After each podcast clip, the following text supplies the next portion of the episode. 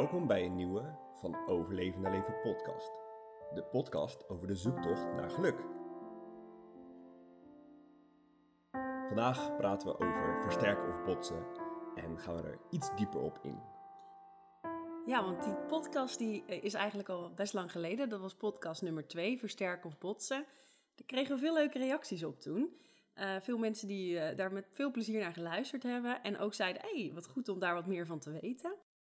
En we hadden deze week een hele mooie situatie waarvan we dachten, oeh, we zitten echt weer even zo niet in de versterk, maar juist in de botsstand. En dat was heel interessant en dat hebben we toen een beetje geanalyseerd. En dachten, hey, we zijn weer achter iets nieuws. Dat moeten we met de luisteraar delen, want dat kan ontzettend uh, helpvol zijn, denk ik, in je dagelijks leven. Daarnaast uh, toch ook even leuk om, uh, om jullie te bedanken voor alle felicitaties, leuke reacties naar aanleiding van de vorige podcast. Over de richting die we hebben gevonden. Ja, eigenlijk de richting die ons heeft gevonden. Ja, dat is misschien beter gezegd. um, nou ja, want we nemen nu dus weer met z'n tweetjes gezellig een podcast op. Maar eigenlijk zitten we toch een beetje met z'n drietjes. Zo voelt het wel. En uh, nou, alles gaat eigenlijk hartstikke goed. Bijna 17 weken. Ik, uh, ik voel me over het algemeen hartstikke goed. Begint een beetje lichamelijk me onder de rug te voelen af en toe. Moet echt wat rustiger aan gaan doen op fysiek niveau. En dat is best wat voor mij uh, een beetje wennen is. Maar ach, het hoort erbij. En verder uh, maken we het goed. Ja, dat was wel leuk. We waren, is het anderhalve week geleden bij de verloskundige. Oh ja. En uh, nou, toen kon je het hartje horen. Nou, dat vond ik wel echt weer een bijzonder momentje. De vorige keer was natuurlijk bij de twaalf weken dat we het konden zien. Ja. En nu, dan vier weken later, het hartje. Ja, ja dat was echt weer uh, Als een prachtig. malle, als een ja, malle ja, snel, hè? Echt dubbele tempo van mijne. Want mijne hoorde je op de achtergrond. En dan dat hartje ging echt... Doet, doet, doet, Ja. ja, was leuk, bijzonder. Ja, straks de 20 weken echo. Dat is dan wel heel Ja, dat spannend. is wel spannend. Ja, maar goed, met dat hele babystuk kom je ineens in zo'n andere wereld. En staan er ineens ook weer tal van keuzes, dat zeiden we de vorige keer al. Maar ook het aanpassen van het huis. Want wij wonen nog niet zo groot. Bewuste keuze, lage lasten, hoeven we niet zoveel te werken. Het huis is groot zat, kunnen daar prima met z'n drietjes wonen. Maar we moeten een beetje creatief zijn met de ruimte. We gaan wat kamers omgooien. En dat is hartstikke leuk, maar levert, zoals je misschien van jezelf, van je eigen relatie ook wel kent, vaak toch ook wel wat spanningen onderling op. Want je denkt vaak toch net wat anders over dingen. Uh, je hebt allebei een andere ervaring van de werkelijkheid. Nou ja, het is in ieder geval weer echt zo'n moment waarop je elkaar kunt versterken, maar waarop je ook wel vaker botst. De situatie was als volgt. Wil jij die vertellen? We zijn van plan om houten lofdeuren in een van de kamers te gaan uh, plaatsen. En zelf zijn we allebei niet zo heel erg handig. We willen wel graag leren, maar nou, we weten uh, nog niet genoeg om dat zelf te kunnen. En de vader van Anita is wel heel handig. Dus we hadden hem gevraagd of hij ons wel uh, wilde komen helpen. En um, er moest eerst een soort klein schotje geplaatst worden. Een klein gipsen wandje aan het plafond om uiteindelijk die stijghouten deuren aan te bevestigen. Ja. En um, nou, de vader van Anita die zou, uh, zou hier komen. Hij was eerst op zaterdag gekomen. Toen was ik naar een meditatiecursus en uh, hebben jullie het begin gemaakt. Ja, zijn we samen aan de slag gegaan. En misschien kunnen we daar al beginnen. Dat was voor jou al... nou, je had gehoopt dat het al klaar zou zijn. En uiteindelijk ging het iets langzamer dan verwacht. Ja. En we zouden die maandag erop zou ik verder gaan. Dus jij zou 's ochtends lekker gaan sporten. Ja. En ik zou met je vader aan de slag gaan. En, uh, om het af te maken. Om, om, het inderdaad af te gaan maken. Ja. ja, want we hadden zaterdag wat tegenslag. Het ging uh, in het begin heel goed, maar aan het einde liepen er wat dingen spaak, omdat de boortjes het niet goed deden. We moesten in het plafond boren. Lang verhaal, maakt niet uit. Het ging niet helemaal als gepland. En daar kan Anietje over het algemeen niet zo heel goed tegen, want die houdt van iets doen en resultaat zien. Nou ja, goed. Feit was dat wij maandag door moesten en Job had zich beschikbaar gesteld. Ik mocht gaan sporten. Uh, en uh, smiddags zouden we wel weer kijken hoe we het zouden doen. Maar daar kwam het. Op maandagochtend. Anita komt thuis en observeert de situatie. En ziet dat mijn vader dingen aan het doen is. Nou, en Job kon niet zo heel veel ondersteunen. Nou, en ik denk dat het wel goed is om nog even ietsje daarvoor terug te gaan. Want we hadden okay. volgens mij de avond daarvoor hadden we een gesprek met elkaar. En toen zei jij al van, nou, als mijn vader dan uh, bezig is en jij hebt niks te doen, misschien kun jij dan eh, je kast alvast opruimen. Of eh, in de tuin eh, staat nog je voetbaltas. Misschien kun je die wel eh, uitzoeken, want nou, die eh, gebruik ik nu niet meer. En dan hè, ben je lekker productief bezig. En dan is mijn vader bezig en dan ben jij ook bezig. en ik dacht Of misschien al... kun je dit of dat op marktplaats zetten. Ja, precies. En Ja. ik dacht al van... Ik, heb, ik wil dat niet. Ik wil gewoon... Ik wil ook leren hoe ik zoiets doe. En ik vind het daarnaast ook leuk om met je vader samen eh, zo'n klus aan te pakken. Ja, en je wilde beschikbaar zijn voor mijn vader. Gewoon als, je, als die je nodig had. En Ja, precies. Gewoon het samen doen. Ja, precies. Het In- samen maken en ook wat leren van je vader, zodat ik het in de toekomst ook zelf zou kunnen, of in ieder geval zou kunnen proberen en weten hoe het ongeveer moet. Ja, en, en het was wel grappig, want zaterdag was ik al met mijn vader bezig. Maar mijn vader deed heel veel zelf. En ik dacht juist, ik ga mijn eigen dingetjes doen. Dus ik was wel allerlei andere klusjes in huis aan het doen. Dus ja, een soort van voor mijn gevoel dubbel productief. En Job had juist zoiets, nou ja, eh, ik ga dan niet ook nog dit, dit en dit doen. Ik help je vader. Ja. En toen was ik thuis. Ja, toen kwam je inderdaad thuis na het sporten en meestal na het sporten ga je even lekker op de bank zitten en een kopje koffie.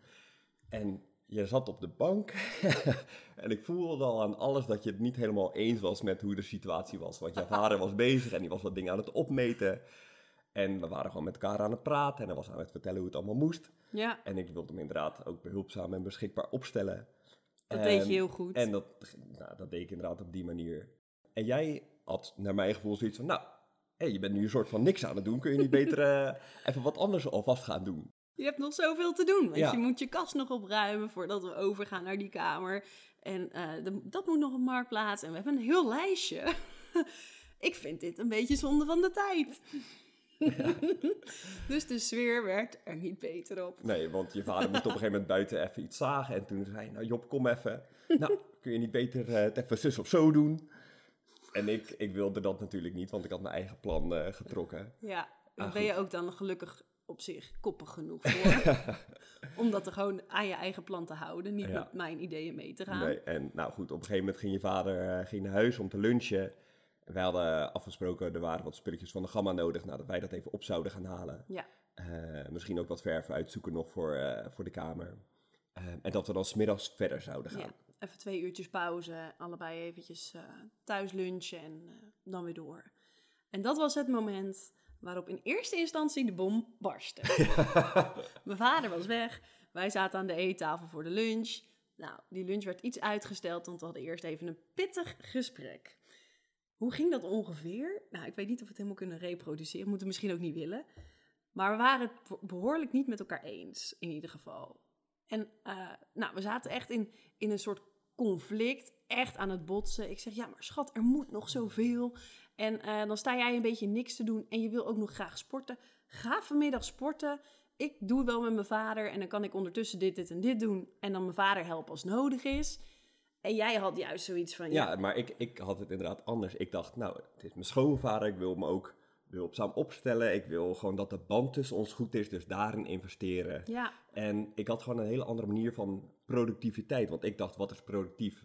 Nou, als mijn schoonvader en ik een goede band met elkaar hebben, dat vind ik daarnaast ook gewoon heel fijn natuurlijk. Maar uiteindelijk is dat ook productief als je goed met elkaar kan omgaan en het goed met elkaar kunt vinden. Ja, jij vond het ook belangrijk, het muurtje moet vandaag af. Dus Ja. dat, dat, jij had heel duidelijk de focus, dit is wat we vandaag gaan doen. Ja. Dat is de hoofdmoot, dat, dat moet af. ja, dus dat was het doel, gewoon de muur is vandaag af. Terwijl ik dacht, ja, de muur kan af zijn terwijl je ook nog je kast hebt opgeruimd. En terwijl ik dan bijvoorbeeld dat nog doe. Dus zo zaten we eigenlijk een beetje te, in, in, ja, toch wel in een strijd. En heel erg vanuit onze eigen werkelijkheid gezien. En toen ineens, ik weet niet wat we deden. Nou, ik weet het wel. Toen zei ik tegen jou, want we waren met elkaar in discussie. En toen zei ik, nou, het is allemaal leuk en aardig, maar eh, we hadden het over wat is waar. Oh ja, En toen zei ik, mijn waarheid is gewoon meer waar. dat klopt. En volgens mij zei ik toen, ja, misschien heb je wel gelijk. dat ga ik niet te vaak zeggen. ja, toen zei ik inderdaad, wat zei je? zeg dat nog eens. Ja. Maar ineens dacht ik, ja, je hebt ook wel gelijk. Want als je alleen maar op die productiviteit zit, dan gaat, gaat dat ten koste van de relatie. En nu lezen wij een boek wat, wat hier echt heel erg duidelijk eh, inzicht over geeft. Boek van eh, Stephen Covey, Zeven eigenschappen van effectief leiderschap. En één ding wat hij daar heel duidelijk in benoemt, wat eigenlijk een voorwaarde is voor alle samenwerking, is de P-PM-balans. Nou, dat gaat over de P, gaat over de productiviteit. Dus ja, de productie. productie, wat, wat je neerzet. Hè? Als je het even heel sec bij een bedrijf bekijkt, eh, een tandpasta bedrijf. Het aantal tubes tandpasta dat wordt, eh, wordt gemaakt. En het PM is de productiemiddel. Dus de machine waarmee de tandpasta wordt geproduceerd. Nou, die twee moeten in een goede balans zijn om een effectieve productie te hebben. Want als je eh, bijvoorbeeld het productiemiddel, de machine in dit geval, niet genoeg ehm, onderhoud biedt, gewoon niet verzorgt, en je alleen maar op die productie gaat, nou, dan zeg je productiemiddel op een gegeven moment, ja, eh, ik, eh, ik doe het niet meer. Ik, ja. Ja, die gaat kapot. Nou misschien het voorbeeld van de gouden eieren, die vond ik ook wel heel sterk. Ja, dat ging over eh, kip en het gouden ei. Ja, En eh, nou, dat was een verhaal, niet echt gebeurd. Maar eh, in het boek staat dan beschreven dat er een man was en die had een kip. En die kip die legde gouden eieren. Dus elke ochtend ging die kijken. En dan, nou, eens in de zoveel tijd lag er een gouden ei. Ja. Ehm, ja, hoe zeg je dat? In, in het kippenhok. Ja. En natuurlijk was hij daar heel blij mee. En hij dacht, hé, hey, nou, elke keer een eh, goud ei, dat levert geld op. Dat, eh, dat is mooi. Dus het product was in dit geval het gouden ei. En het productiemiddel was de kip. ja, En uiteindelijk dacht hij van, nou, hij wilde natuurlijk steeds meer gouden eieren. Ehm, en toen dacht hij, nou, als ik de kip nou opensnijd, die zit vol met gouden eieren. Dus hij had de kip opengesneden, geen gouden eieren. En het product, of sorry, het productiemiddel, dat deed het natuurlijk ook niet meer. die was kapot. Dus de kip was dood en zijn productie stopte gelijk. En als je dat dan terugkoppelt naar de mens, ehm, en dat zie je dan weer heel mooi terug ook in bedrijven, maar ook in deze situatie. Hè, laten we eerst op deze situatie. Ik zat heel erg op de productie. Zorgen dat dat af is en dat we ondertussen ook nog mooi veel andere dingen doen.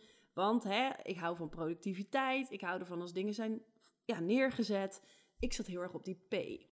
Job zat meer op het productiemiddel, namelijk mijn vader. Want Ja, zonder, vader, ja. ja, maar zonder mijn vader komt dat muurtje er niet. Want daar weten wij nog niet genoeg voor. Dus Job probeerde juist meer te investeren in het productiemiddel, zodat we konden creëren. Ja, en ook om uiteindelijk zelf het te leren. En dat is natuurlijk ook, Ook effectief. dat. Ja, Eh, door het met iemand samen te doen, zie je hoe het moet. En zou je het eventueel ook zelf in de toekomst kunnen doen. ook dat. Maar goed, toen kwamen we dus ineens in gesprek dat Job het had over, ja, mijn waarheid is meer waar. En toen kwamen we op de een of andere manier op die PPM-balans. En toen dacht ik, ja, ik investeer op zo'n moment niet in het PM. Niet in, ja, ik, ik bied mijn vader wel een kopje koffie aan. Als hij geluk heeft. ja, Nee, en ik, ik hou het ook wel gezellig. Maar zoals jij het doet, hè, echt de aandacht erbij. Ja, ik ga gewoon in de gang eh, schilderijtjes ophangen en eigen dingen doen. En ik weet wel dat mijn vader het heel leuk vindt om het samen met jou te doen. Dus ehm, het is ook... Ja, dat, het was gewoon heel... het- ineens beseften we ons, oké, Anita zit dus over het algemeen iets meer op de P. En jij kan iets beter investeren in PM, het productiemiddel. Ja. En in dit geval was het uit balans. Want ik zat veel te veel op die productie. En jij zat misschien wel iets te veel op het productiemiddel. Want ja, voor jouw gevoel. Ik kon ook niet heel veel toevoegen. Dat klopte inderdaad wel op dat moment. Maar we keken er allebei iets anders naar. Ja, klopt. maar dat gaf echt zo ineens zo'n inzicht van... Hé, ja, als je dat dus heel erg uit balans hebt... dat de ene heel erg snel, productief, dat allemaal wil... en de ander zit veel meer op het nou ja, productiemiddel... of dat dan een machine is, een apparaat... of in dit geval een persoon... dan is het uit balans. En als je het juist... Nou, toen hadden we het er met elkaar over. Eigenlijk kunnen we elkaar juist heel erg mooi versterken. Want ik heb daar dus een, eh, met dat productiestuk dat ik daar de belangrijkheid van zie en jij juist het productiemiddel. Dus dat kan elkaar heel mooi levelen. Maar dat was uit balans. Ja, en eigenlijk was het al door dat gesprek met elkaar te voeren tijdens de lunch, dat we elkaar weer sneller konden vinden en dat het ook niet meer tussen ons in bleef hangen. Dus soms heb je wel eens als er iets gebeurt of je hebt een discussie, je bent het niet met elkaar eens, dat het echt zo ja, ertussen blijft hangen. Dat is voor de sfeer natuurlijk niet fijn en Nee. naar zelfs. Ehm, en hierdoor was het echt gewoon weer klaar en konden we Ja. elkaar weer sneller vinden. En, eh, En de middag was een elkaar- stuk gezelliger. Ja, we snapten elkaar ook weer Ja. meer. Ja, ja, we snapten elkaar veel beter. Door, dat, door dit zo uit te spreken, snapte jij van, nou ja, Anita houdt gewoon wel hè, van dat productie. Dat, dat is ook niet fout. En ik begreep jou weer meer en we kwamen weer een beetje tot elkaar. Ja, en toen, nou, we gaan het verhaal een beetje afronden, want Ja. het duurt wel wat lang. Ik ging eh, na de lunch even sporten. jij was in de gang lekker aan het verven met wat uh, fotootjes, fotolijsten bezig om dat uh, op te hangen. En toen ik terugkwam, nou, even lekker gedoucht. En daarna heb ik je vader nog echt goed kunnen helpen. Dus kon ik echt assisteren met fysiek dingen doen. En aan het eind van de middag was er een muurtje en een mooie gang met gekleurde... ja, een Ja. mooie gang met een gekleurde muur en fotolijstjes erbij. Had ik dat ook nog even kunnen doen? Was Ja. ik blij? Ik had iets neergezet, ik was productief geweest. En jij hebt mijn vader kunnen helpen. Dus was Ja. uiteindelijk, de ochtend was botsen, de middag was versterken. Ja. Maar waar we het net dus nog meer over hadden, we, zaten, we liepen lekker door de duinen en we hadden het over die PPM-balans. En toen hadden we het nog even over hoeveel werksituaties zijn. En wij werken natuurlijk allebei zelf in het onderwijs. En als je dan hem terugkoppelt naar het onderwijs, wat is dan de P? Nou, de P is het aantal leerlingen. Ehm, je kan kijken naar het aantal leerlingen dat zich aanmeldt of het aantal leerlingen dat slaagt. Maar dat is in het onderwijs dan het productiemiddel. Werk je Nee, in ja, een ja, eh, product. product, sorry, P. Werk je, eh, weet ik veel, in een eh, financiële sector, dan is het misschien de omzet of de winst die je maakt. Nou, als je dan kijkt naar de PM, is dat in heel veel gevallen, productiemiddel, is de mens. Ja. Is, is nou, in ons geval de docent. Het productiemiddel, de leerkracht, produceert kinderen die uiteindelijk slagen of trekt leerlingen aan. En toen hadden we het erover dat zoveel bedrijven eigenlijk zo ontzettend op die productie zitten, maar daarbij het productiemiddel echt Ja, onderschatten. ja, en dan verwachten ze wel mensen die met hart voor de zaak werken, die dat, die dat hè, met hart en ziel doen.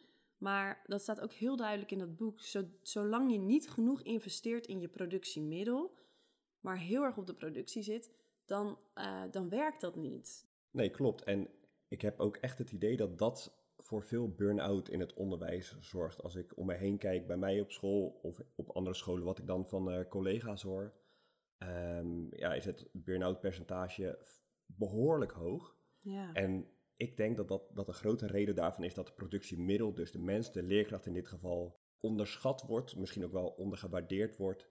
En dat er veel meer moet gekeken worden naar wat heeft de leerkracht nodig? Wat zijn de omstandigheden voor een leerkracht om goed te kunnen werken, om te floreren?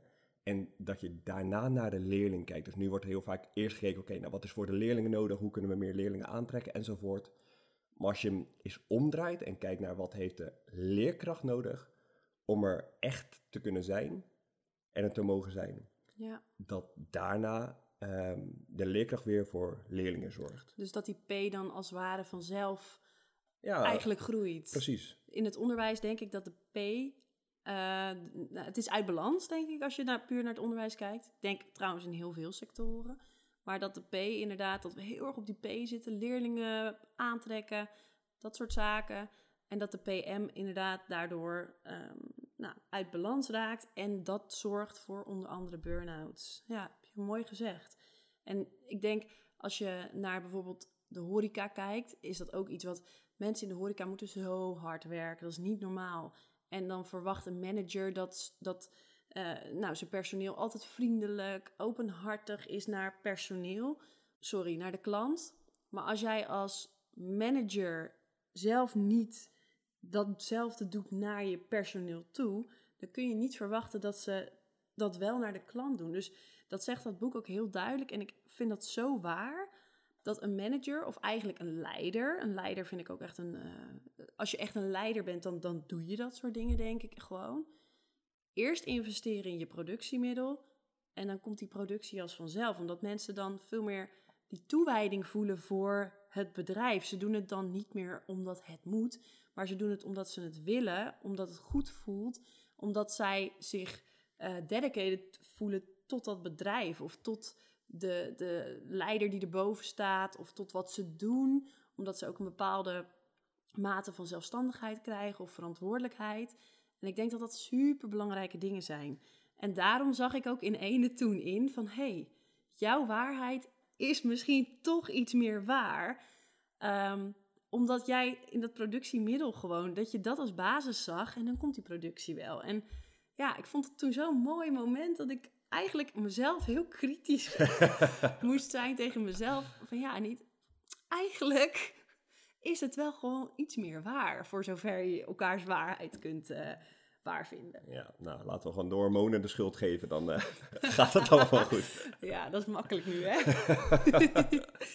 ja, dus eigenlijk even samengevat. Um, versterken of botsen, dit is nou weer echt zo'n mooie situatie waarin we dan even geanalyseerd hebben waar het door kwam. En dat was in dit geval de PM-balans. Wat niet alleen op dit soort situaties uh, terug te voeren is, maar ook in heel veel situaties om ons heen, vooral werkgerichte situaties, welke sector je ook werkt. Het is interessant om te kijken hoe is die P-PM-balans bij mij in het bedrijf en zeker naar leiders toe, management, mensen bovenaan. Dit is denk ik echt waar het om gaat. En op dat soort momenten denk ik, oh, ik wou dat ik op zo'n functie zat. Ik doe het niet omdat ik vind dat mensen die op die functie zitten veel te veel uren werken. Maar oh, ik zou dit soort dingen echt, joh, ik vind dat zo mega interessant. Denk ik, ah, ik zou dat ook eigenlijk zo goed kunnen. Alleen ik ga echt geen 80 uur per week werken. Doei. Ja. maar goed, als er mensen luisteren die wel op dat soort functies zitten, misschien doe je het al. Maar ik denk dat dit het middel is. En daarom heb ik jou ook iets meer gelijk gegeven.